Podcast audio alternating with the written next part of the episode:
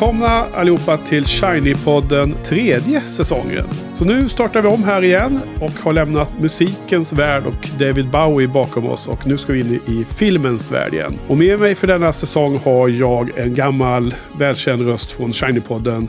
Nämligen Karl. Välkommen! Tackar, tackar. Så ja, Karl. Vi, eh, vi ska köra eh, säsong tre här av Shiny-podden. Och vad ska ämnet vara? Som vi har listat ut. Vi ska diskutera åtta stycken eh, filmer av bröderna Coen. Bröderna Coen, ja. Precis. Det var... Ständiga favoriter. Ja, Men vi riktar in oss på deras, inte de allra största filmerna kanske, utan hälften som eh, i alla fall jag inte har sett och sen ytterligare några som kanske varit lite splittrande. Ja, precis. Det var, vi började prata om Coens, så en av ingångsvinklarna vi, som jag kom in från, det var ju det här att, att du eh, hade uppskattat flera av deras senare alster mycket mer än vad jag gjorde. Och jag kände redan när jag sett de här filmerna, jag tänker på Hail Caesar och Inside Llewyn Davis till exempel, att jag borde se om dem. Jag måste se om dem för att ge dem en chans till och så. Då. Har inte riktigt blivit av ännu. Eh, och det vet jag att du, de där filmerna har ju du varit väldigt positiv till. Så sent som förra årets eh, topplista för 2016 hade du väl med Hail Caesar där ganska högt va? Säkerligen. Ja, säkerligen. Och, och eh, så det skulle vara kul grej att återbesöka vissa Coen-filmer, Coen-bröderna-filmer helt enkelt. Så det var en av de här anledningarna till att vi började prata om det här ämnet. Och sen visade det sig också efter ett tag, eh, Karl, att eh, jag trodde det var givet att du skulle ha sett alla av bröderna. Ja, Men det hade du inte gjort. Nej, jag har ganska många stora luckor i eh, mitt filmseende före 2008 eller något sånt där. Okej, ja, nej, det, det var egentligen inte att sätta dig på pottkanten om att ta luckor och så, utan det var bara att det var en, en stor överraskning eftersom jag hade tänkt på dig som en som var, var som extra kunnig och eh, väldigt intresserad av Coens. Det är min bild som jag alltid har fått när vi har pratat om dem. En rimlig bild som jag kanske vill förmedla. Men Ja. Vilket fall som helst var, blev det som ett givet val då att vi måste ju försöka komplettera upp då. För jag har ju faktiskt sett alla eh, Coens filmer och eh, hur gick det till egentligen? Det, det var väl mer att jag hade råkat se flertal och sen upptäckte att det var bara som typ en eller två titlar kvar. Och då, då klippte jag dem här för ett antal år sedan då under tiden jag hade bloggen då. Så efter 2010 så har jag diskat rent liksom så man kände att ah, jag har sett alla liksom. Det var som en liten eh, e-, eget minimål då, då att, att nå den nivån. Så eh, för mig blir det att se om eh, de här filmerna. Men eh, det är lustigt med, med Coens för det är väl verkligen eh, filmer som är lämpliga att se om. Hur ser du på den biten? Deras omtittningsbarhet. Ja, absolut. Det är flera av dem som jag kanske inte var jätteförtjust i första gången jag såg dem. Ja, Eh, inklusive Big Lebowski och Serious Man. Som Mm. sen efter omtittar är bland mina absoluta favoritfilmer. ja. Jag tror generellt sett så är de så komplexa och det finns så mycket att fundera på när det gäller filmerna att man med fördel ser om dem både en gång och även fler gånger. Så det här ska bli superspännande. Eh, vilka är dina favoritfilmer? Alltså vi ska ju, först ska vi säga att vi kommer alldeles strax eh, gå igenom vilka åtta filmer vi, vi har valt ut för den här eh, säsongen av podden. Åtta avsnitt, åtta filmer. En film per avsnitt. Men innan dess, vilka är, det här är lite o, eh, oförberett Carl, men har du liksom, vilka är dina favoritfilmer från Coens? Har du, kan du fiska fram det snabbt i huvudet eller? Ja, eh, Big Lebowski är klar etta. Okej. Eh, otvivelaktigt. Den eh, kan jag se om när som helst Ja. och njuta av. Serious Man är också fantastisk. Sen, eh, ja, det är väl de som sticker ut egentligen. Mm. Sen eh, kommer väl kanske vissa av dem vi diskuterar nu, Ja. finns väl med där också. Men, Kommer kunna fladdra upp. ja. De, de, de, mina tre absoluta favoriter från Coens innan vi går in i den här lilla eh, nya duvningen. Och, eh, det är lustigt när man går igenom sådana här filmer eller tv-serier eller musik. Man grottar ju ner sig så mycket mer i ämnet så att man liksom kommer ut ur poddsäsongen med helt andra upplevelser och en helt annan fördjupad förståelse för sin egen, hur man själv tycker om de här ämnena. Så det ska bli jättespännande. Men innan vi går in här så är mina favoriter, det är väl No Country for Old Men, filmen från 2007 som jag såg på filmfestivalen och som var så otroligt stark, den, den thrillern. Sen är det dock Fargo som jag har sett om redan, minst, alltså sett minst två gånger. alla fall i mitt liv. Och som är eh, också en klassisk känd eh, Coen-bröderna-film som många gillar. Och sen är det Serious Man då som jag skulle vilja lyfta. Och, och ingen av de här kommer vi nu prata om i den här rundan. Nej, precis. Men passande att vi har lite olika ingångar. Ja. Eh, Fargo är väl deras eh, stora genombrott för den breda publiken, väl, Ja. kan man säga. Och, Absolut. Och sen eh, No Country for Old Men är en av de som jag inte riktigt uppskattar. Ja. Men som ju väl är deras mest, mest eh, framgångsrika kanske på vissa arenor. Ja, absolut. Jag menar, Fargo var nog den filmen som jag upptäckte dem via, om man säger så. Eller egentligen inte riktigt faktiskt. Jag tror att Miller's Crossing såg jag innan, men det var med Fargo och att den blev så uppmärksammad som man, de verkligen fastnade på den filmiska himlen för mig. Då, då.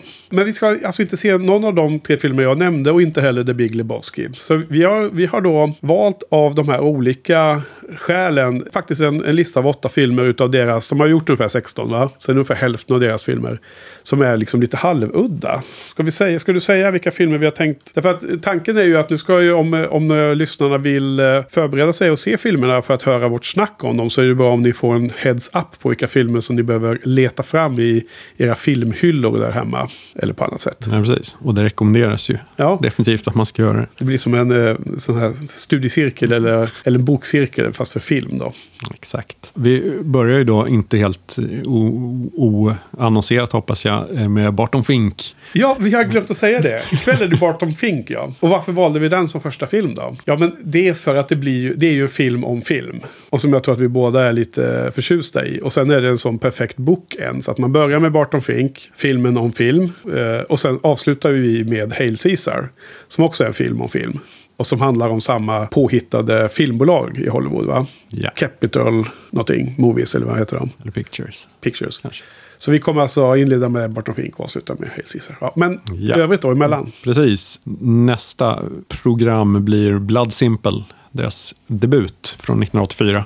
Ja, Och Mm. sen eh, True Grit från 2010. Deras remake av gammal John Wayne-film. Sen The Lady Killers från 2004. Ytterligare en remake. Sen Inside Llewyn Davis som eh, väl kanske också har kopplingar till dagens film. Sen Miller's Crossing från 1990.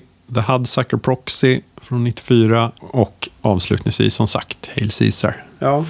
Från 2016. Så det är en väldig blandning. Och flera av de här titlarna som inte är de allra mest kända eller upp, mest uppskattade tror jag bland kännarna. Eller vad tror du? Nej, nästan alla har väl varit eh, floppar eh, rent ekonomiskt. Vissa är ju direkta floppar även kritiskt. Ja. Medan andra är uppskattade. De, de som sticker ut är väl då kanske just Barton Fink. Eh, eftersom den vann tre priser i Cannes. Och sen eh, True Grit som av någon anledning fick tio Oscars-nomineringar. Alltså hade den det? Ja, Oj då. Ja. det återkommer vi till då. Ja, just det. Och just det, Barton Fink fick eh, massor med priser i Cannes. Så de ändrade på reglerna där va? Ja, precis. Eh, Bestämde att man fick, fick få mest två Just. priser. Ja, precis. Det var någon, eh, något tak där. Ja. Nej, men jag tycker det är roligt med till exempel... Det är några av de här filmerna som jag tycker kanske är de, bland de svagare då. då. Till exempel The La- Lady Killers tycker jag, har jag ju alltid rankat som lägst. De gånger jag har försökt sä- sätta ihop en, en lista av ranking. Eh, Så det ska bli kul att se om den nu då. Och anledningen till att vi valde den var väl att det var en av dem du inte hade sett tidigare va? Precis. Så det, det känns ju som minor Coens. Det är liksom inte direkt den första man springer och ser om man förkovrar sig i Coens. Men det ska bli jättekul då, i alla fall. Ja, eh, men så det är lite bakgrunden så då. Eh, ska man säga mer då? Vad, vad, vad, hur är din inställning till Coen-brödernas filmer rent generellt sett och Coen som sådana? Liksom? Vad, har, har vi något på någon generell nivå? Till att börja med innan vi börjar prata om Barton Fink mer specifikt. Ja, alltså de är ju stora favoriter. Och det finns ju flera anledningar till det. Just deras kanske cyniska humor uppskattar jag väldigt mycket. Det är ju många väldigt plågade huvudroller.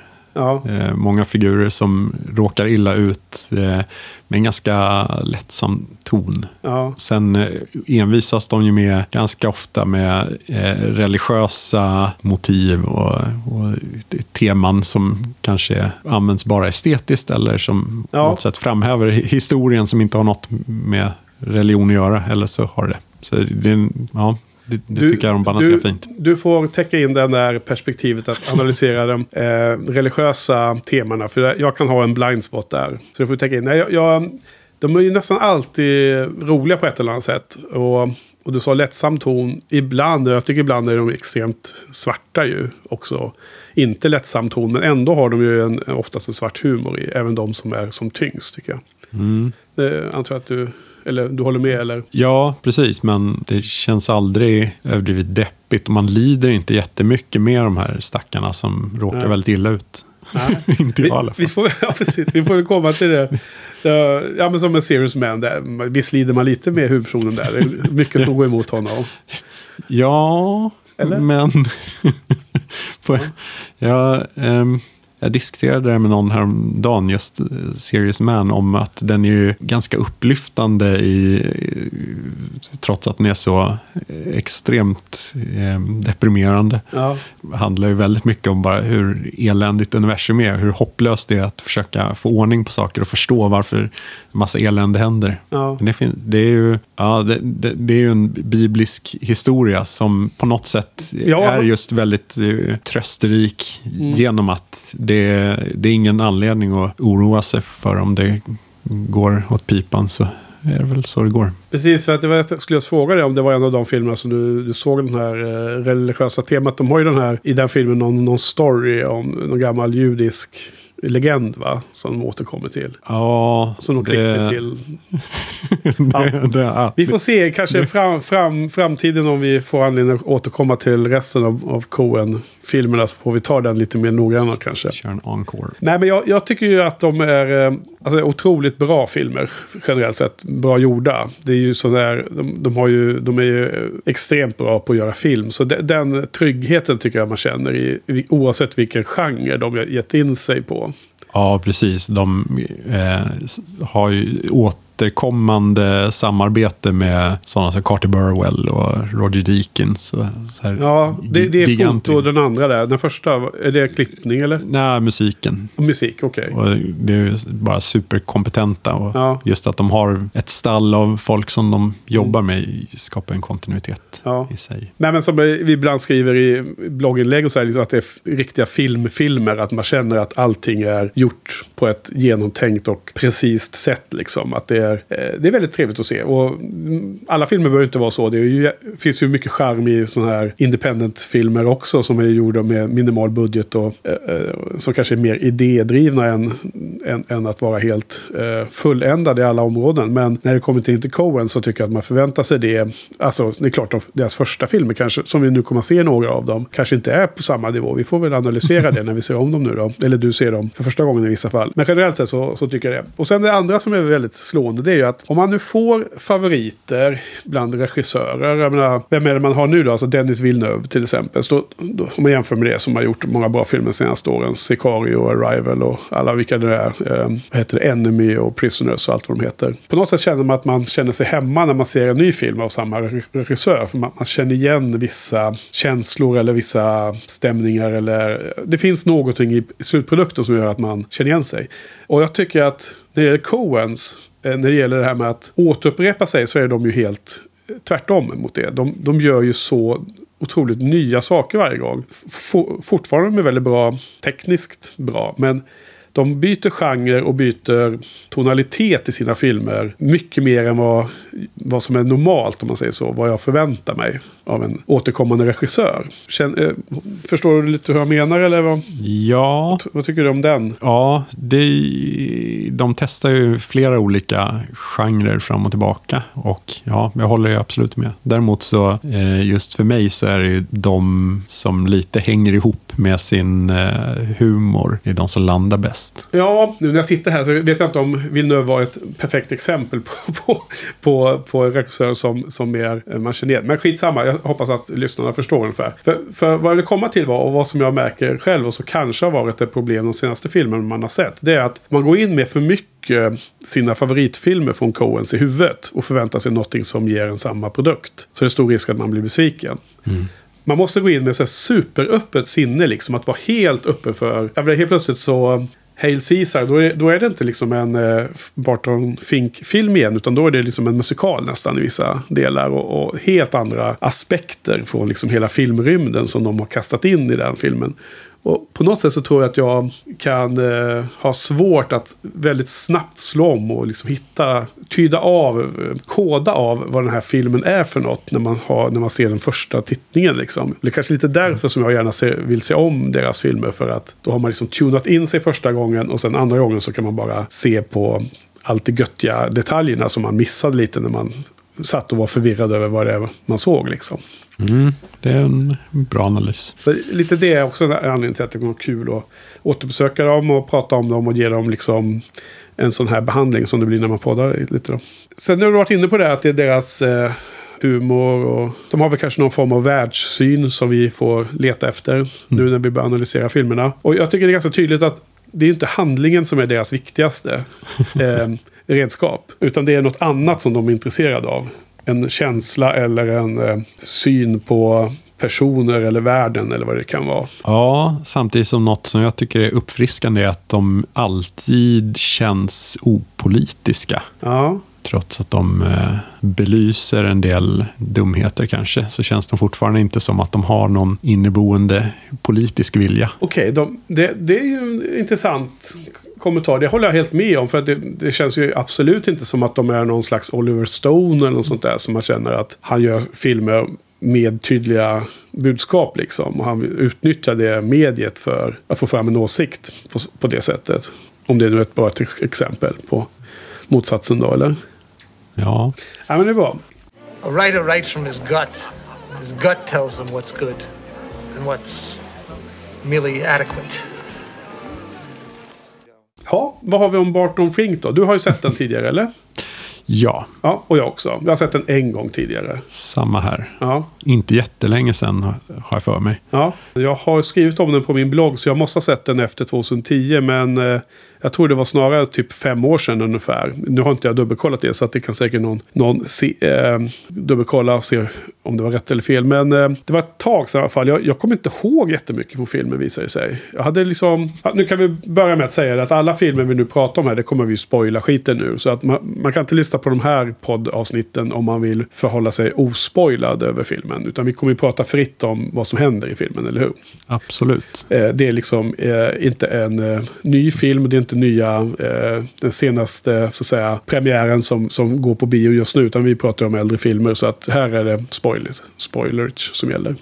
Ja. Uh, nej, jag, jag, alltså jag vet inte varför det blev så. För även om det nu var fem år sedan och det, det, känns länge liksom. Så är det inte så himla lång tid. Uh, man borde komma ihåg ganska mycket av filmen tycker jag. Men mitt i filmen det är helt plötsligt allt det här svänger runt att helt plötsligt ligger en död, död kvinna bredvid Barton Fink i sängen där. Det hade jag helt glömt av. Att, att det var liksom en... Eh, att det blev en, nästan en thrillerkänsla i filmen i andra halvan. Samtidigt som det är fullkomligt rimligt att glömma bort de sakerna. För eh, det gör väl filmen också nästan. Ja, du kom, du kom ihåg det i alla fall. Du väntade på det, eh, eller? Nej, det kan jag inte påstå. Nej. Jag kommer i princip bara ihåg eh, slutet med brinnande korridoren. Ja. Galen John Goodman. Den scenen kommer jag ihåg. Men jag, jag kommer ihåg den här uh, svettiga inledningen med mm. Kalifornien och att han var svettig hela tiden. Och han åkte på de här mötena med filmstudion och liksom blev pressad av dem. Det var det jag kommer ihåg. Och sen till och med när hon dök upp där. Men vem spelas hon av nu igen då? Vad heter hon? ja. Judy Davis? Ja, det är just det. Hon spelar då en musa till den här kända författaren som han vill få hjälp av. För att hela filmen är ju om en writers block då som också är intressant. Med tanke på att jag nyligen tittade på och skrev om Adaptation som också handlar om Charlie Kaufmans problem att skriva ett manus. Och den här filmen grundar väl sig i, om jag har förstått det rätt, att Coen-bröderna hade writers block själva. Ja, något ditåt. Under, ja. under inspelningen av Millers Crossing så tog det emot. Och så krafsade de ihop det här på tre veckor. Okej, okay, ja. Så det är lustigt att det, det, det är liksom, i båda de fallen så är det verkligen egna upplevelser då som har genererat filmen då. Jo, men så han tar ju hjälp av den här um, kända skåd, uh, författaren som spelas av um, Frasers pappa. Just det. han har ju gått bort ganska nyligen, den mannen. Skådisen har dött ganska nyligen tror jag. Ja, Eh, grym casting eh, för övrigt. Han eh, ska ju baseras på William Faulkner. Ja, Okej, är det det där? Ja, Ja. och är superlik rent eh, Alltså är det? visuellt. Ja. Men alltså hur ska man veta att det är William Faulkner? Är det någonting man läste på internet eller? ja, Ja. Alltså för jag hade ingen aning. Nej. Jag bara tänkte att det är, det är ju säkert någon, men liksom hur ska man veta det tänkte jag. Ja, men han är, alltså, de har väl alltid bra ca- casting, eller? ja, det är absolut en av deras styrkor. Ja. Eh, jag tycker han är rolig här. Jag visste inte om att han såg eh, ut som Faulkner som han då ska efterlikna. Jag, jag tycker inte han är den bästa birollsfiguren i hela filmen på något sätt. Nej, Det är fler som är bättre tycker jag. ja, absolut. Det, ja, som många andra så är hans bidrag eh, inte helt solklart vad det är till för. Nej. Ska, vi- ska vi börja i den änden? Vad, vad handlar filmen om egentligen alltså? eh, har du koll på det eller? Ja, vad, det, det är, är väl en massa saker Ja. egentligen. Alltså, det är ju ganska mycket om bara arbetsförhållanden i Hollywood. Ja. Eh, hela, alltså skriva film som en konstnärlig process eller som en, eh, en eh, produktion av, av Ja. content. I en maskin. Ja, men sen har man ju också i, i hela, något av en eh, eh, parodi eller en nidbild av eh, en, sån där vänsterkonstnär eh, som vill eh, uttolka någon sorts idealiserad arbetarklass som han Ja. inte har någon som helst intresse av egentligen. The common man. Ja, här tiden. Alltså jag, jag har ju fortfarande, när jag såg den första gången så um, kämpade jag nog våldsamt med att försöka förstå vad, vad de egentligen menade med filmen. Och man skulle se den bokstavligen, det man ser. Alltså väldigt så här, eh, simpel handling som man ser på med ögonen. Eller om man skulle förstå någonting om man dyker djupare ett eller flera lager. Och jag har precis lika svårt fortfarande efter andra gången. Det har inte blivit mer tydligt för mig. Jag menar, det är ju... Det man ser face value det är ju... Han kämpar med sitt manus. Han är extremt otrevlig, Barton Fink. eh, och arrogant. Eh, han är liksom så här big-headed, får man känsla av. Och han pratar om the common man, men liksom har ett långt avstånd till dem, känns det som. Och sen då den här grannen av John Goodman, Charlie tror jag han heter, va? Som då eh, är en arbet, eh, jobbar, är en, en common man i det här sammanhanget om man jämför. Och varje gång han säger så här, I have stories to tell you, eller så här, I, I have stories och så. Så bara Barton Fink avbryter honom Ja, med en gång, hela tiden. ja, så underbart. Eh, Just det. Ja, exakt, det är det jag talar om. Ja, ja precis. Han, han kommer liksom nästan... Man, man, man förstår att han har ju något mer att säga, men han får aldrig säga de grejerna. Och så fallerar, eh, eller inte, manuskriptet för att inte få sina stories. Och sen i slutet så är ju John Goodman förbannad och du lyssnar inte på mig eller på andra. Och så gör han uppror mot det.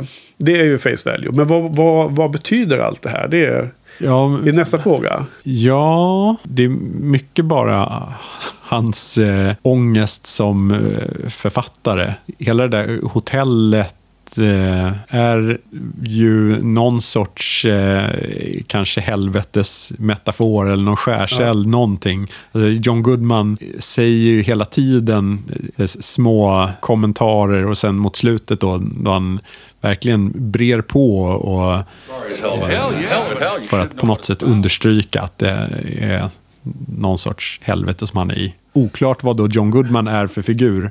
Ja, precis. För, för att på face value så är han ju då en massmördare som bor Ja. där. Och eh, antagligen är den som har smugit in och dödat kvinnan. Eh, Judy Davis karaktär. Medan Barton har sovit. Får man väl gissa. Och att han har mördat massa annat folk.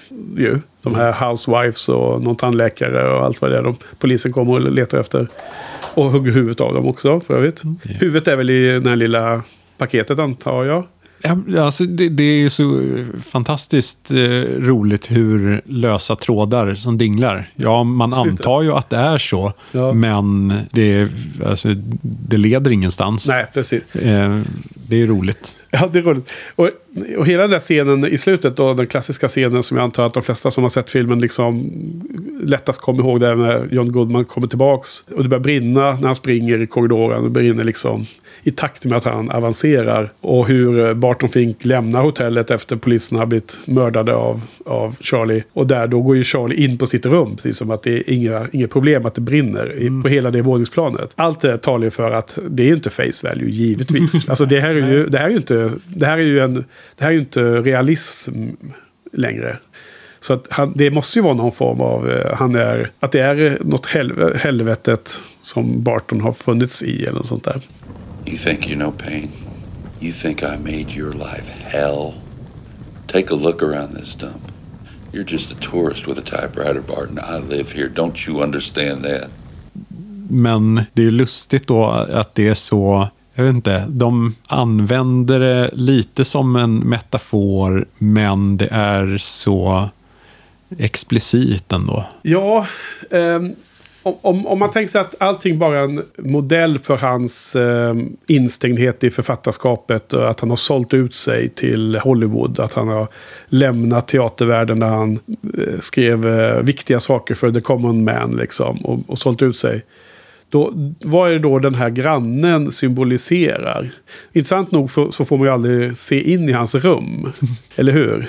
Nej, precis. Men han måste väl symbolisera något, en del av, om, om allting är i Bartons huvud, alltså att alla känner, upplevelser han har är någonting som beskrivs som, som han känner som, som författare, trängd i det här läget då, då. Då kanske Charlie måste vara någon del av honom, liksom. den delen av honom som gör motstånd eller som, som vänder sig mot det här, som försöker riva ner någonting, eller? Kan man tänka sig? Ja. Vad tror du? ja, det kan man väl absolut. Men han är ju, det är ju inte glasklart på något sätt egentligen. Om man jämför med hur sådana brukar vara kanske. Det är därför den här filmen slog i Cannes så bra, antar jag. Ja. De gillar att det ska vara väldigt svårt. ja, nu för tiden kanske de inte skulle belöna det lika hårt. Men mm. eh, ja, absolut. Ja, men för att, jag menar, nu har inte jag läst analyser om vad den här filmen handlar om. Så som man ibland gör efter man har sett en skumfilm. Man, jag menar, eh, Mulholland Drive och så går man in på nätet och läser om alla analyser om hur tidslinjen är. Och vem lever och vem lever inte. Och är det ett självmord och allt vad det är liksom. Men det har inte jag gjort inför den här poddningen. Jag tycker att det blir ju då blir det mer att man sitter och rabblar om vad man läst om vad andra tycker. Ah. Men har, har, du läst på? Finns det någon allmän sanning om Barton Fink? Vad den, vad den handlar om eller vad, vad den Nej, representerar? Jag vill nog påstå att det inte gör det. Och jag vet inte om det är till filmens fördel eller nackdel. Ja. Eh, det har väl kanske gjort att den inte riktigt finns kvar som någon gigantisk film man måste ha sett.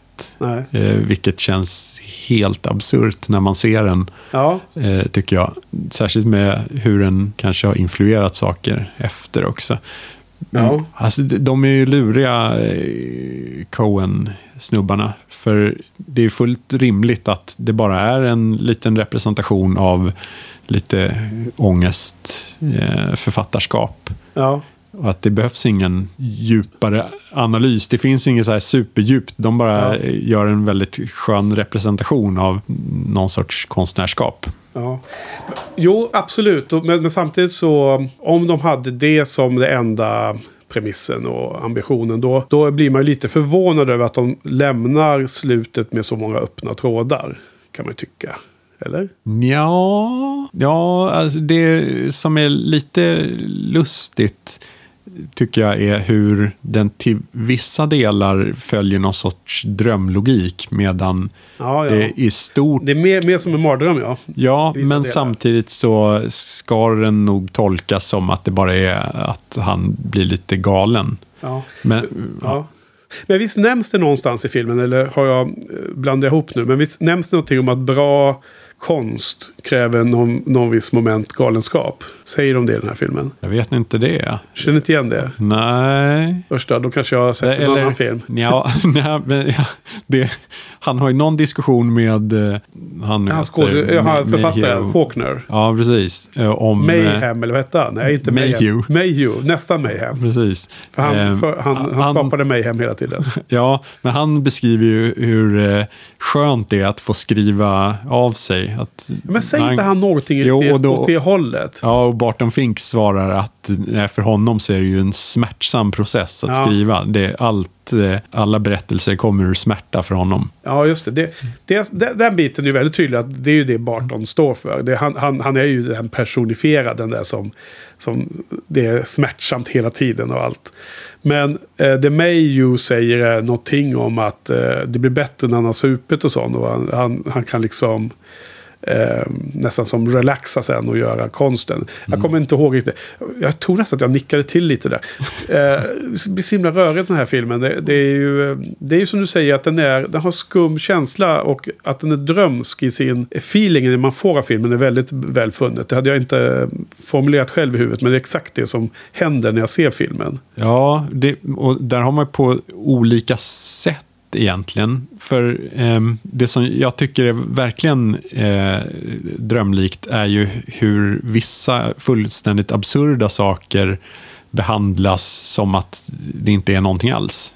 Eh, Eh, att det är helt vanligt, som att han konkar med sig den där lådan som han har fått, som kanske innehåller ett huvud. Eh, Ja, som, som innehåller hennes huvud, det är ju mer eller mindre troligt. För det, det, det är så filmen vill en att man ska tro. Sen kan det hända att filmen har någon superavancerad, eh, att det är någon twist. Men då får ju filmen vara lite mer, då får den vara lite mer tydlig om de vill att man ska förstå det. Ja, men sen också att eh, eh, med slutbilden med kvinnan på stranden som... Ja, precis. Det är en sak jag måste fråga. För den, kvinnan på stranden och fotot eller bilden på väggen ovanför hans eh, skrivmaskin. Med en kvinna på stranden som sitter på stranden. Ja, Vad, vad har det för någon, vad, har, vad är betydelsen av henne där? ja, ja Och precis. sen att han träffar henne eller någon liknande kvinna. Ja, precis. Det blir ju lite som bara en slumpmässig eh, träff på stranden, men så antar hon exakt samma pås. Ja, Eh, men där... det är liksom visionen av något gott långt Ja. bort på något sätt. Precis. Men... Eh, För han har ju väl fått... Han har, just det, han har inte ens fått sparken när filmen slutar. Det är ju det som är så bisarrt. Hade han fått sparken där, då hade ju mötet med kvinnan på stranden känts så himla mycket mer naturligt. Då har han kommit fri från det här onda. Ja, ja precis. För eh, det, om man eh, ser till hela helvetesmetaforen så Ja. är ju eh, den underbara eh, Lipnik, Ja, filmen, filmens Djävulen. bästa karaktär. ja, han, han är ju djävulen själv som Ja. har då knutit upp honom bara för att plåga honom resten av livet. Ja, Ehm, I've taken an interest. alltså Lipnik är ju bara så jäkla skön. Det är ju det klart bästa i hela filmen tycker jag. We're only interested in one thing. Can you tell a story, Bart? Can you make us laugh? Can you make us cry? Can you make us want to break out, enjoy a song? Is that more than one thing? Okay.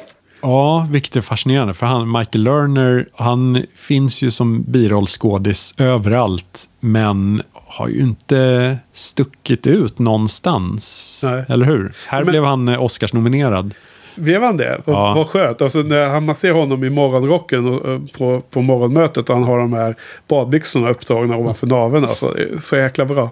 Okej, det är kvinnan där. Vi, vi måste återkomma till henne kanske. För att jag måste ta några steg tillbaks, Karl, här. Häng, häng, häng med mig nu i tankarna. Jag undrar om Charlie finns eller inte. Om John Goodmans kar- karaktär Charlie, finns han eller inte? Det är en viktig frågeställning om man nu vill dissekera den här filmen. Jag menar, en, en, en aspekt som jag bara funderar på skulle vilja höra vad du tror om. Det är första gången eh, Bart och Fink kommer in på sitt rum. Första scenen han är på sitt rum så blir han ju störd av att någon sitter och gråter väldigt högt.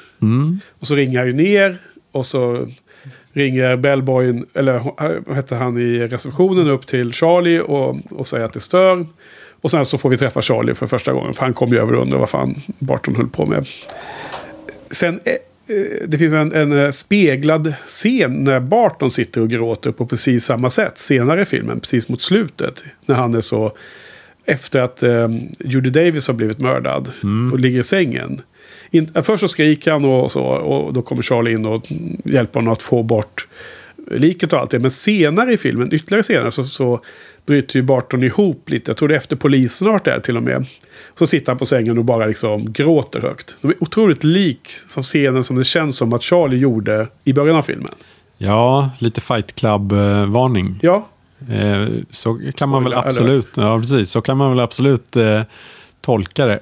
Och där får man väl eh, beundra deras eh, finess i så fall jämfört med eh, något som Fight Club Ja. i att mysteriet eh, kvarstår. Ja. För, för att det är också det att Barton går ju ut ur hotellet och det brinner. Och någon har dödat poliserna.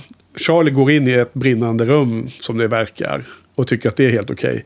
Så att han, han är ju, det är ganska troligt att han inte finns i, i verkliga världen. Att han bara finns i huvudet på någon. På sinnevärlden. Ja, det är rimligt att Ja. läsa det så. Men eh, det är inte fullt eh, normalt det som händer.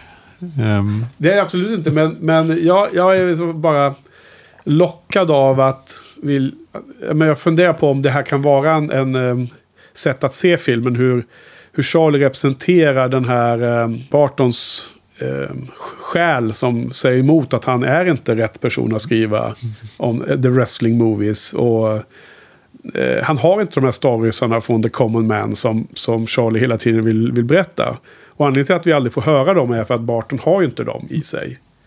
Är Charlie en del Eller? av Barton själv så, så så finns de i honom. Jo, men, men eh, nej, eller så finns de inte och det är därför Charlie aldrig får säga dem. Det är därför de, han alltid blir avbruten. Ja, du För de så. finns inte. Jag tänker tvärtom. Ja, det kan vara. De, de finns där men han eh, ehm, släpper inte in dem. Ja, Lyssnar inte på den delen av... precis. Eller så är det... Ja, men det kan vara vilket som då. För att om man inte har dem, men han, han, han har hamnat i ett läge där han har sålt in sig själv på ett visst sätt. Och han, han försöker inför Hollywood, ja, inför chefen där och djävulen eller vad han nu än är, Lipnick. Colonel Lipnick, if you don't mind. Sit down. hävda att han, att han har de här storiesarna. Och varje gång han söker sitt sinne så finns de där på plats. Men eftersom han inte har dem så kommer de aldrig fram. De liksom, det är bara löftet om att storiesarna finns. Uttalas, men det finns inget bakom. Jag vet inte. Det är bara en sak. Eh, något annat då jag tänkte på. Eh, vad tycker du om Barton Fink? Har du sympatier? Har du, vad tycker du om han som huvudperson? Ehm, I feel so sorry for him. What? He's, he's a son of a bitch.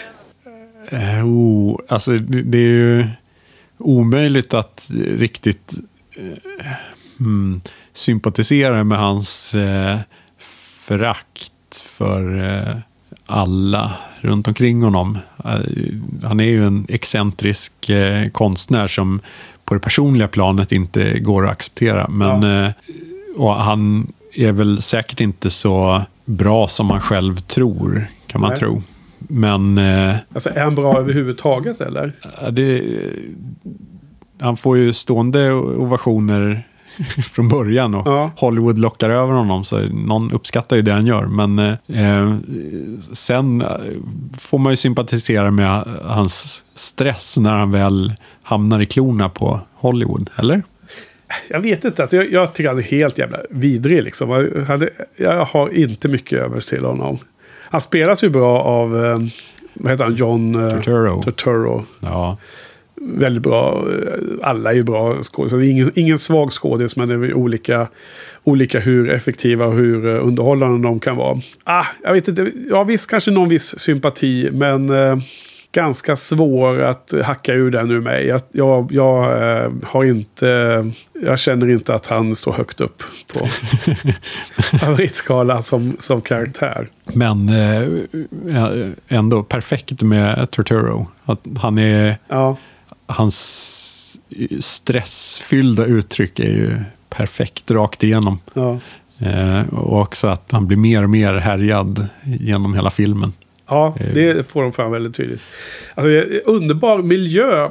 Om man tar den biten, hotellet. Först så...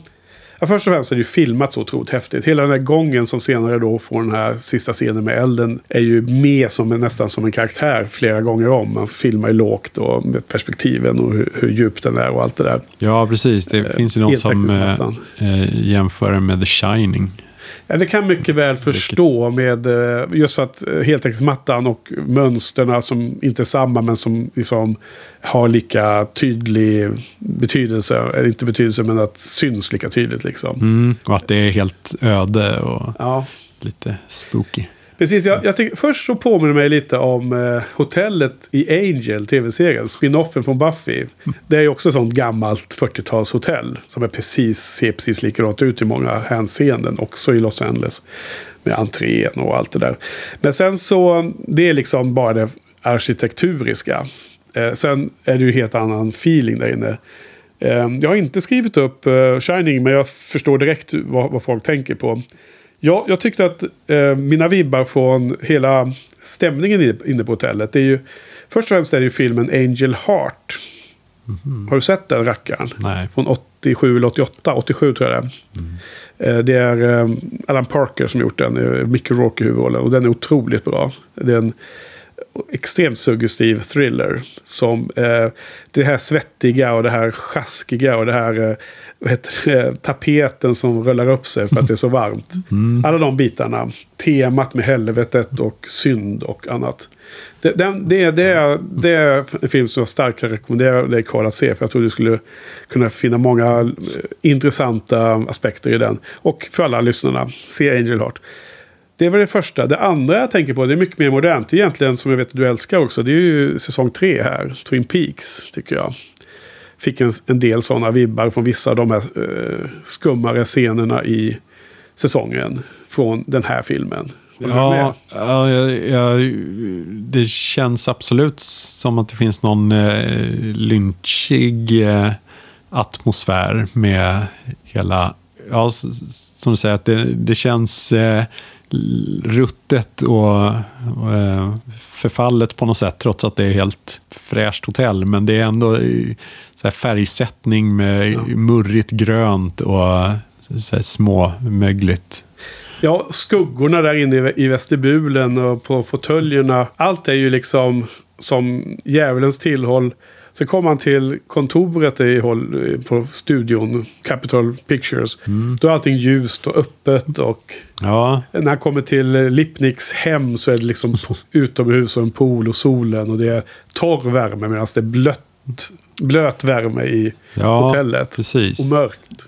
Ja, och sen är det också lite obehagligt det där att eh, det är helt tomt. Men folk ställer ut skorna för att få dem putsade. Så man ser att det är helt fullbelagt. Men det, det är ändå stämningen är ju att det är... De hade inte råd med, med, med fler eh, birollskådespelare. så att liksom, han, han bor i ett tomt hotell. Och sen i ena hållet så är det någon som sitter och gråter för den har huggit huvudet av någon. Och andra hållet så är det några som har sex så att det låter genom, dörren, genom, genom väggen. Och då får man heller aldrig se. Nej, precis. Eh, Och det, ja, alla är Ja. inlåsta i sina små rum med sin ångest. Och, Ja.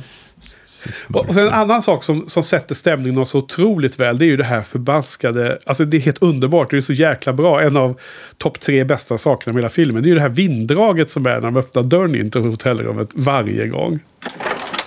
Tänker inte på det? det var inget jag noterade. Nej men sluta! Nej! Ah, vilken, eh, vilken besvikelse. Han, han, det är så himla instängt där när han kommer in första gången. Så han öppnar ju fönstret efter lite problem. Han trycker han upp fönstret. Sen står det ju med en öppen glipa under hela filmen. Och varje gång han öppnar dörren så är det så här. Det, det, det, sug, så det här vinddraget och det här underövertrycket liksom låter ju varje gång han öppnar dörren. Varje gång han in och ut och när Charlie kommer och hälsar på och så här. Åh, men det, alltså det, det är så tydligt att det måste ha någon undermening. Nås, måste betyda något mer än att det bara är konstig ventilation eller där inne. Du måste kolla lite på det, Carl. Du tänkte inte ens på det? Lyssnarna fixar. Ja, men lyssnarna får gå in på shinypodden.se och leta fram upp, eh, avsnittet och gå in och skriva i kommentarerna om ni hörde vinddraget när man öppnade dörren. Du, efter podden måste vi kolla det på, vi måste kolla lite på filmen och så du snabbt eh, observera detta. Jaha, jag, jag trodde du skulle ha någon superdjuplodande lång eh, analys av eh, vad det där betydde i hans eh, sargade psyke. Ja, okej. Ja. En annan sak som också bjuder in till att det skulle finnas något djupare, men kanske inte alls har det, är ju när han plockar Bibeln och börjar läsa ja, ur eh, ja, det Gamla Gideons Bible. Testamentet. Ja, och någonstans i Gamla Testamentet om Ja, Daniel. det var till och med Ge- Genesis var det ju. ja, ja. Det var ju, först, det var ju en, en There were lights stod det i slutet på den sidan. ja, precis. Men innan det så läser han ju eh, Daniel. Ja. Han, som trillar ner i lejongropen Jaha, eh, okej. senare, men som här skulle tyda Nebukadnessars drömmar. Just det. Eller Den han boken han fick sig. av Mayo. Ja, just det. Det hette ju också Nebukadnessar. Ja. Ja. och där bör det ju finnas någon sorts mening, kan man tänka sig. Det, det jag såg när han, när han på måfå bläddrade upp en, bra- en bra bit in i, i Bibeln så såg han det här Nebu, Nebuchadnezzar. Det var det, eller vad det nu hette. Och det var det jag tolkade som att det var den kopplingen till hans verklighet. Som, Ja, men där... eh, men du, du, du hann läsa mer av texten här verkar det som. Ja, precis. För det, den handlar ju om att Nebukadnessar bjuder in några vise män, Men några här vad, vad, är det, är, vad är det för något i... You read the Bible, Pete? Holy Bible? Yeah. Yeah, I think so. Anyway, I've heard about it.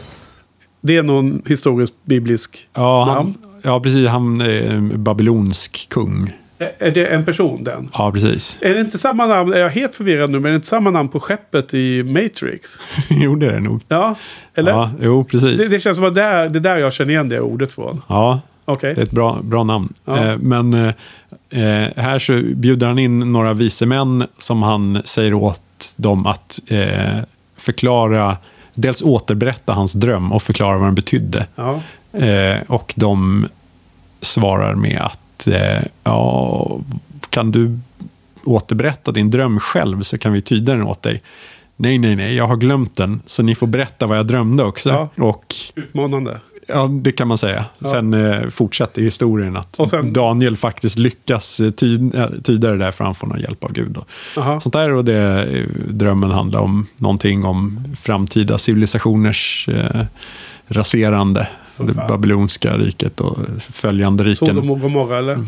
Ja, tveksamt. Mm. Men romarriket och eh, antikens Okej. Grekland och sådana. Men eh, och då, där, då tänker man att det kanske finns någon eh, sån djupare koppling i, i vad de vill säga. Ja. Eller så är det bara att kravet som Nebukadnessar ställer på de här snubbarna påminner om hans eget eh, problem ja, med Men då är det ju som jag sa. Då har han ju inga stories i sitt huvud. Han kan ju inte veta storiesarna. Jo, ja, det är men... samma utmaning som att eh, tyd min dröm. Vad, vad drömde du då? Jag vet inte. Mm, men det, ja, precis, det är det Lipnick ber honom eh, göra. Ja, precis. Och, och du, vi, vi sa tidigare. Antingen så hade han storiesarna men fick Ja, inte precis. fram dem. Eller så hade de inte ens. Mm. Och det var därmed de inte kom fram. För att de fanns inte. Men eh, en, en god författare Ja. har ju då tillgång till de där och Ja. kan eh, berätta Hjälp den. av Gud att få fram dem. Ja, precis. Så det är en härlig... Eh, alltid roligt med sådana existentiella Ja, men du, du har benat upp den kopplingen känns det som ganska tydligt. Måste jag ändå Ja, men- säga. men- och jag var inte ja. alls med på det. Jag hann inte varken läsa eller eh, ta in den aspekten.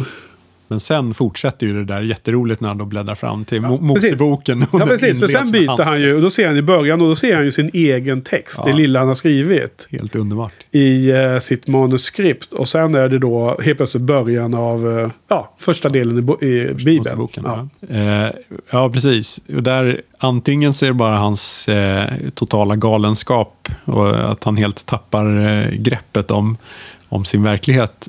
Eller så kanske man kan tolka det där som eh, just ångesten att alla historier redan är skrivna. Ja. Så redan i Bibeln så hittar man alla historier. Så, Ja. så hopplöst jobb för honom. Jo. Att hitta sin vinkel Lite på sin oklart. brottarfilm. Jag tyckte att det, där, det var en väldigt suddig sekvens för mig. Det där. En av de bästa.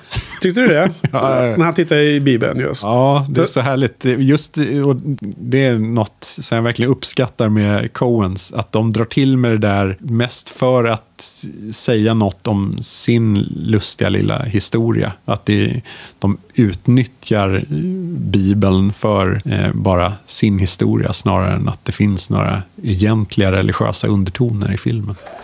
Ja, du menar den skillnaden att, om jag förstår det rätt, som att de har sin historia och sen så tar de hjälp av eh, Bibeln istället för att i första hand försöka lyfta en stor historia från Bibeln och göra en egen variant av den för att egentligen promota den ursprungliga historien, eller? Ja, precis. Det, det känns Vad är det som inte... hjälper vad? Ja, det känns ju inte som att de egentligen eh, påstår att en författare eh, får sina historier för att han är bläst. Nej. Men vem vet? Ja, mycket, mycket konstigt. Jag menar, ja, det är där jag har jättesvårt att, att göra eh, klockrena analyser av det här. Eh, men hur ska vi komma vidare nu när du inte ens har hört vinddraget? Tänk om det inte är ett vinddrag. Tänk om vi tittar på filmen nu och så hörs det inget vinddrag. Vad skulle det betyda? Jag hoppas att det, det hörs. Jag tror att lyssnarna vet att det hörs. Du har samma grepp om verkligheten som Barton. Ja, precis. Men du, eh, sen har då eh, Bitterhet en annan grej med det här med Charlie som är borta några dagar. Åker till New York och sen så har han då träffat på eh, Ba- Bartons föräldrar och kusin eller vad det nu var, eller farbror eller så här. Och sen får han inte tag på dem. Så har han, har han haft ihjäl dem själv då också? Eller gjorde han det innan han åkte till Hollywood då? Eller? Ja, precis. Där eh, får man fight-klabba lite till. När kom Fight Club då? Eh, 99? Och den här kom 94. 90? 1? Eh, 91, precis. Så den här var ju före i alla fall. Japp. För eh, Seven också. Seven, du menar med låd, lilla lådan med huvudet i? Ja. Precis, för det här satt man och tänkte lite. What's in the box? Ja, vad är det i lådan? Undrar man ju, men det fick man inte veta här. I Seven var det för simpelt, var man tvungen att visa, Precis. eh, eller åtminstone fram, framföra vad, vad som var i lådan. Okej, Kvinna på stranden då? Landar vi den eller? Nej, men det är en snygg övergång när han åker från eh, eh, New York till Los Angeles. Ja. Så får man ju bara lite snabbt se den där vågorna eh, slå in på den där stenen. Ja. Man får se stenen, kommer vågor och så kommer det här ljudet. Ja, vågorna. precis. Och det är bara blixtsnabbt och sen övergår det till eh, hotellet. Ja, så att de, de kastar in någon slags slutdestination i filmen, bokstavligen. Men vad är det då symboliserar? Det. Tagit sig igenom på något sätt. Men han är ju inte fri. Eller är han det? Han kanske är fri i slutet. Ja... Jag menar, Lip, det, Lip, han kanske kan frigöra sig från Lipnick. Han kanske, han kanske inte är oroad över att inte lyckas i Hollywood längre. Därmed så är det skitsamma vad Lipnick säger. Alltså, vågorna som sköljer in lite hårt mot den här klippan är ju... Alltså det är en lustig första bild av eh, Los Angeles och Hollywood. Den, det, den är lite hård och också ångestfylld på något sätt. Uppfattar jag det. Det känns li, lite sådär, jag vet inte, känns lite som eh, ehm, Mulholland Drive-vibe kanske. Att så här, nu kommer vi till Hollywood, det är inte helt bra. Nå, ja, ja, jag kan nog köpa, jag kan köpa det mesta du säger känns det som. Jag kan inte säga emot i alla fall. Jag fick inte riktigt den. Jag, jag, jag, jag tänkte ju såklart att man kan se andra vyer från gamla eh, Hollywood som man skulle känna igen som mer ikoniska. Men jag tycker att man har använt ganska ofta någon av de där stränderna runt Los Angeles som har just det där. Eh, lite klippor som sticker ut i havet eller någon sten, en stor, eh, stor rock en bit ut och så. Det känns som att man har sett den där vinkeln många gånger tidigare. Så att för mig var det inte betungande utan mer som att ja, nu är vi på västkusten. Det var väldigt konstigt eh, att det var helt olika där då. Men att det är Säg mer om oss än om filmen. Ja, eh, olika. Men du nämner att det blir lynchianskt där igen. Jag tycker väl att vi, kan nästan, vi måste nästan kunna vara överens om att det här måste vara en av de mest, lyn, eh, mest lynchinspirerade Coen-bröderna-filmerna som finns i alla fall. Ja, precis. Eller tvärtom. Kan vara tvärtom såklart. Men han har ju i och för sig hållit på bra länge också, Lynch. Jag tror inte han. Nej, precis. Ehm, eh, Men, men jag vill nog hävda att eh, just så känns det just nu. Det finns ju andra filmer på, på vår lista om åtta här nu som kommer att vara helt, helt eh, mycket mer långt ifrån Lynch, känns det som. Ja, känns ju alltid taffligt att jämföra saker med Lynch på något sätt. Men, Ja. men det är... Men ja. de här är ju de här är starka nog att kunna stå upp mot i en jämförelse tycker jag. Ja, alltså att eh, den här vann i Cannes känns ju väldigt rätt. Och Ja. det är en kvalitetsstämpel Ja. eh, på det planet. Lynch har väl också vunnit där lite. ja. Eh, nej, men vad säger du? Ska vi börja wrap it up eller? So what kind of pictures does he like? Mr. Fink hasn't given a preference, Mr. Lipnick. So how about it, Bart? Well, uh, to be honest, I, I- don't go to the pictures much, Mr. Lipnick. Jag tycker generellt sett att det är ju väldigt komplext att eh, känna om man ska... Vi ska ju betygsätta filmer, det får vi göra också va? Eh, det måste vi göra. Eh, ja, men det är ju sen gammalt nu för tiden. Eh, vi får ta det på fem grader skala i alla fall. Det är det vanliga för långfilm. Men det, det är svårt alltså. Det är, jag var och checkade middag med syster barnen igår. Och Melker frågade om, för jag pratade lite om filmen då. Jag såg den ju igår faktiskt. För, förberedde mig precis innan vi skulle podda. Han frågade, jaha men var den eh, bra då? Liksom, eh, kan du rekommendera den? Frågan. han. Är ju 15 år. Så att jag är lite svårt att rekommendera den för en 15-åring måste jag säga. Och, alltså, jag tycker att filmen är otroligt eh, höga kvaliteter. Och den är otroligt bra gjord. Och stämning, stämningar och sånt är ju liksom tipptopp. Men jag har svårt att rekommendera den för min systerson på 15 år skulle jag säga. Och som, som ren underhållningsvärde om man, är, om man inte är intresserad av filmteori mer eller mindre. Är, är den inte lika stark som, som eh, jag känner den. Ja, om man, om man ser det som en eh, filmstudie. Ja, det är svårt det där. Det, ja, det är så himla klurigt.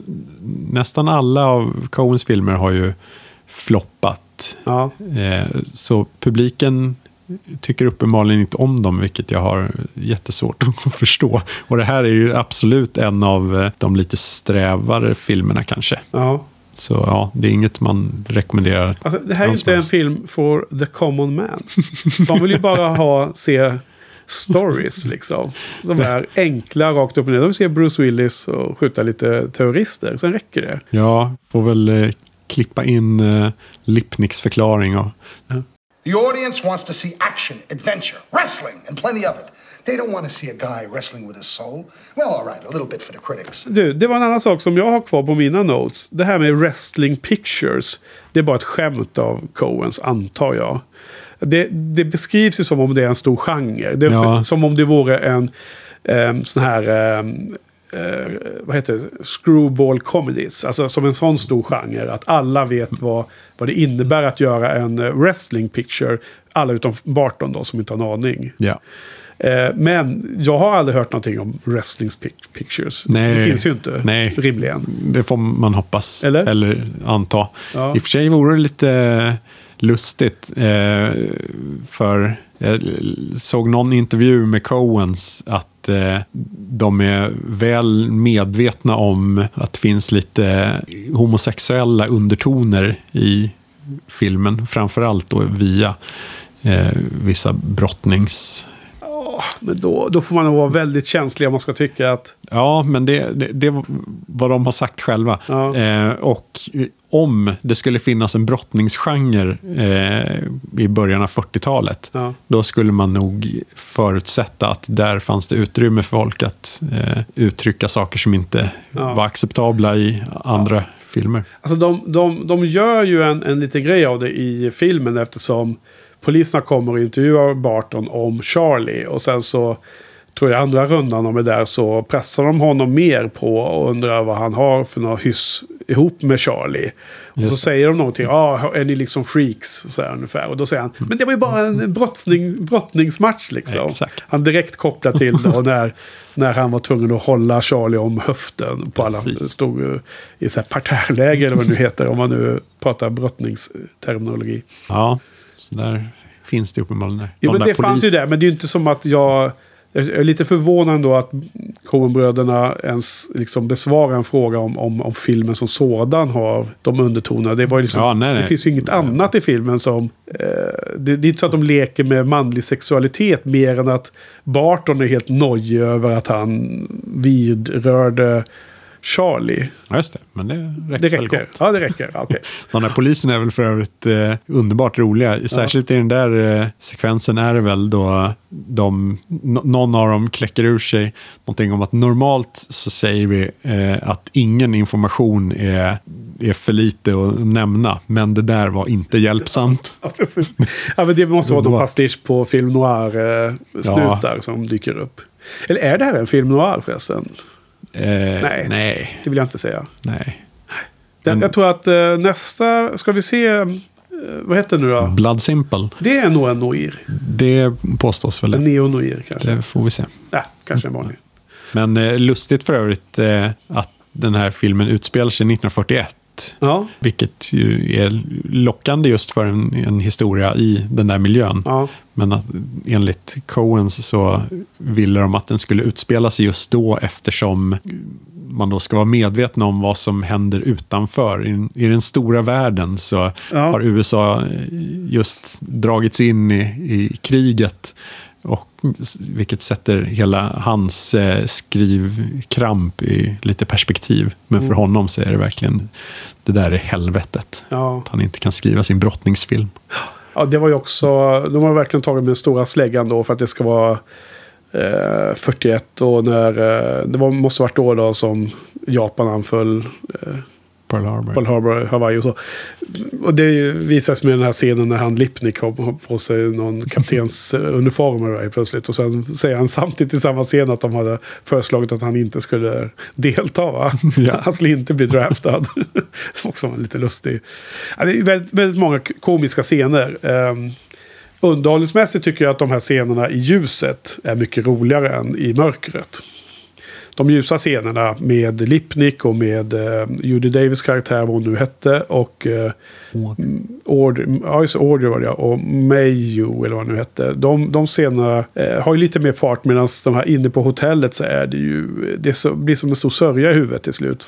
De scenerna går ihop. Men eh, Det där... John Goodman är ju Han underbar. ja, En, en av hans men han är ganska bästa bra. roller. Eller? Ah, Han, han kombinerar ju så fint den där eh, eh, glada, trevliga, folkliga gubben och sen eh, den helt galna sociopaten. Ja. Ja, för man, man, man tvekar ju hela tiden. Är han ond? Är han god? Eh, Varför säger han så här? Och så. Han, han har ju stört sig jättemycket på att Barton tjallade på honom det första han gjorde och sen inte lyssna på honom. Ja. Så att tar man storyn face value så är det ju liksom en slags hämnd där då, mot Bartons eh, otroligt vidriga personlighet. Ja, du. Hur ska man tolka hans eh, härliga eh, uttalande på slutet? När han hojtar I'll show you the life of the mind. När han eh, går genom korridoren och skjuter. Ja, Polisen. just det citatet, har det någon, har det någon eh, speciell... Eh, hur ska man tolka det menar du? Jag, jag vet inte. Nej, det är väldigt catchy. På något sätt. Det låter som en Ja, men bra... det, måste ju vara, det måste komma från något som de pratade om tidigare i filmen. Ja, precis.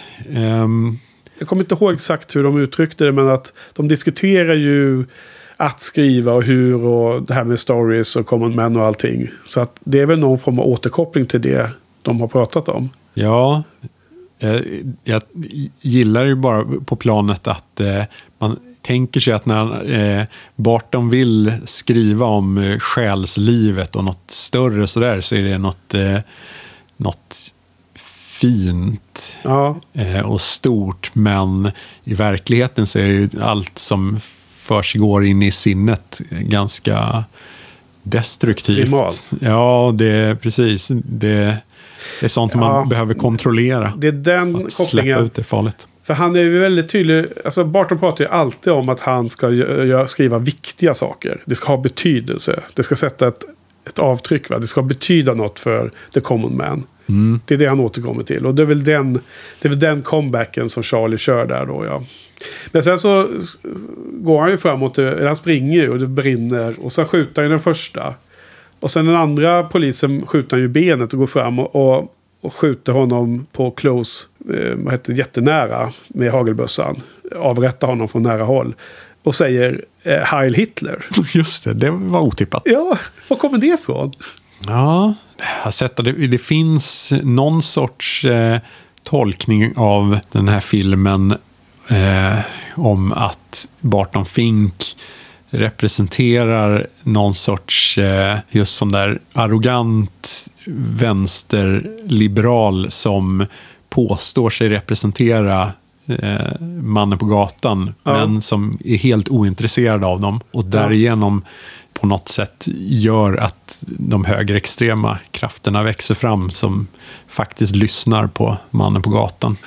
Och eh, skapar någon sorts nationalsocialistiskt paradis för dem. Inte allt för långt ifrån en, en intressant eh, samhällsanalys alltså. Ja, precis. Och då hamnar man väl nära det där eh, politiska som Ja.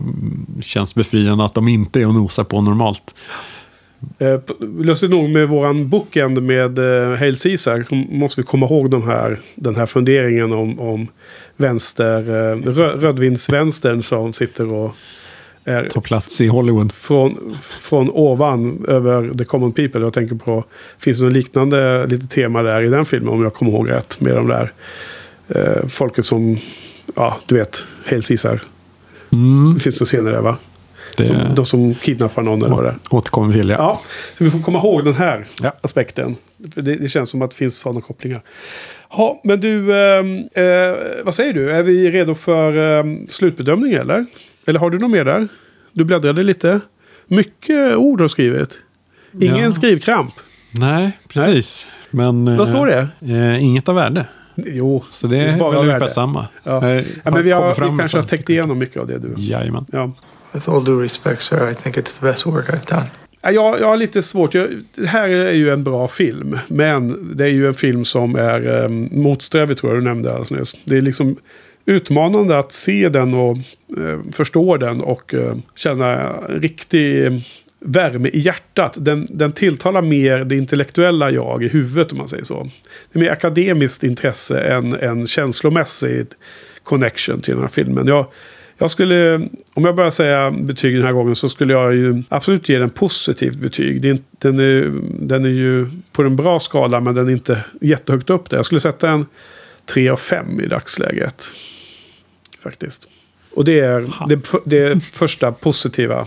Ju. Två är ju liksom helt okej och godkänt Ja, ja. eh, för mig. ja, Vad skulle du säga då? att den tilltalar hjärnan mer än hjärtat kanske. Det är ju helt ehm, rätt för mig som kanske inte har något hjärta. Så, ehm, nej men eh, ehm, dels att den, den är ju fantastiskt underhållande scen till scen. Ja. Det är så himla välskrivet, så eh, många hysteriskt roliga saker. Ja. Men också eh, så många lösa trådar och svårtolkade partier som gör att man även efter filmen känner sig lite förvirrad och eh, kan se om den många, många gånger och fortfarande bearbeta och få ut något av den. Så eh, för mig är det nog en ganska given femma. Jaha, fem av fem? Ja. Wow, grymt. Vad kul. Ja, men det var ju... ehm, jag hade trott att du skulle ha ge en fyra. Ehm, men det var ju fantastiskt. Det är ju bara kul. Ehm, jag tror också att det är en film som man kan se om och ehm, roas av att fundera på fler gånger. Och jag håller med om att många av scenerna är superunderhållande. Men jag tycker att det det är en sån här film som man skulle... vara kul att visa någon filmintresserad som inte har sett det förut och si- sitta med och sen få följa liksom hur, hur det benas upp och hur obegriplig den är i viss mening. Och om man jämför med en annan sån film som jag tycker eh, eh, som många har liksom funderat på vad den betyder och så, Donnie Darko. Som jag vet jag såg med kompisar och liksom när man steg efter steg genom den filmen blir mer och mer eh, förvirrade liksom. Men ändå att alla gillar den filmen väldigt mycket. Den är mer lättillgänglig än den här. Tycker jag. Jag tycker den, den skapar mer eh, känslor som är mer som knyter det till den, mig till den filmen mer än vad den här gör. Men de har en liknande nivå av att det går inte riktigt att förstå filmen förrän man har liksom... Jag tror inte jag förstår Donnie Darko till 100% ännu. Liksom, men man, jag gillar den ändå mycket mer än vad jag gillar den här. Så någonting skiljer det sig däremellan. Och jag trodde nog att den skulle ha växt lite mer eftersom det var andra titeln då. Men nu var det intressant nog så att jag inte riktigt kom ihåg så mycket av den. Så att man kanske ska se den med kortare intervaller mellan för att få ta det här nästa steg då. Men det, men det känns avlägset att den skulle komma upp på fem av fem. Det vill jag nog säga Ja. just nu. Men det är väldigt intressant. Och det är första... Vi får se om vi någon gång kommer ha samma betyg. Det är inte ja, säkert. Precis. Eh, Eller? Men, nej, det är väl inte givet. Nej. Men något som är också Coens styrka som vi inte har nämnt Ja. något om är ju att skapa minnesvärda rollfigurer. Ja. Eh, och både Barton, Fink själv och sen ja, framförallt då Lipnick och kanske Charlie också. Ja. De är ju extremt eh, spektakulära Ja. eh, rollfigurer som... Jo, men de måste ju leda till ut. någonting för att det ska bli riktigt starka favoriter. För mig i varje fall, kan jag känna. Men jag håller med om att de är starka. De, de sätter avtryck. Ja, och De är är- tydliga. Ja, precis. Jag gillade Steve Bu- Buscemi som... ehm, Eh, Chet. Vad är det Chet han hette? Ja, som jobbar i receptionen. Och också fantastisk entré ur en lucka i golvet. Eh, Lång, lång tid. Ja. Höll steget fl- länge. Precis. Ja. Eh, Det är också- typiskt Coen känns det som. Ja, och eh, funkar bra med hela eh, helvetesstämningen. Ja, just det. Mm. Okej, men du, vad kul. Ja, jag vet inte om vi, om vi eller publiken blev så mycket mer eh, på det klara med vad det här är från film. Men eh, det, vi är överens om att det är på plus, båda. Sen lite olika styrkor. Eh, bra film, är vi överens om. Intressant och eh, finns mycket spännande att fundera på här. Så att jag hoppas att eh, lyssnarna tar chansen att se filmen. Och får ni gärna skriva in i kommentarer och så vad ni tycker. Vad ska vi ta nästa vecka då? Nästa måndag? Ehm, vad var det nu igen? Blood Simple. Blood Simple. Deras första film är det ju. Ja, Och den är från vilket år då? 1984. Okej, där har vi det. Eh, Den har jag sett eh, också för så här eh, mindre, runt fem år sedan. Alltså mindre än eh, efter jag startade min filmblogg. Eh, Så hyfsat nyligen men ändå mm, tillräckligt långt bak för att ha väldigt lite minnen kvar av handlingen. Har du sett den filmen? Nej. Nej, och spännande. Då blir det en av dem som du ska se nu för att bli, bli komplett på hela listan. Ja. Vad spännande. Vad har du för några...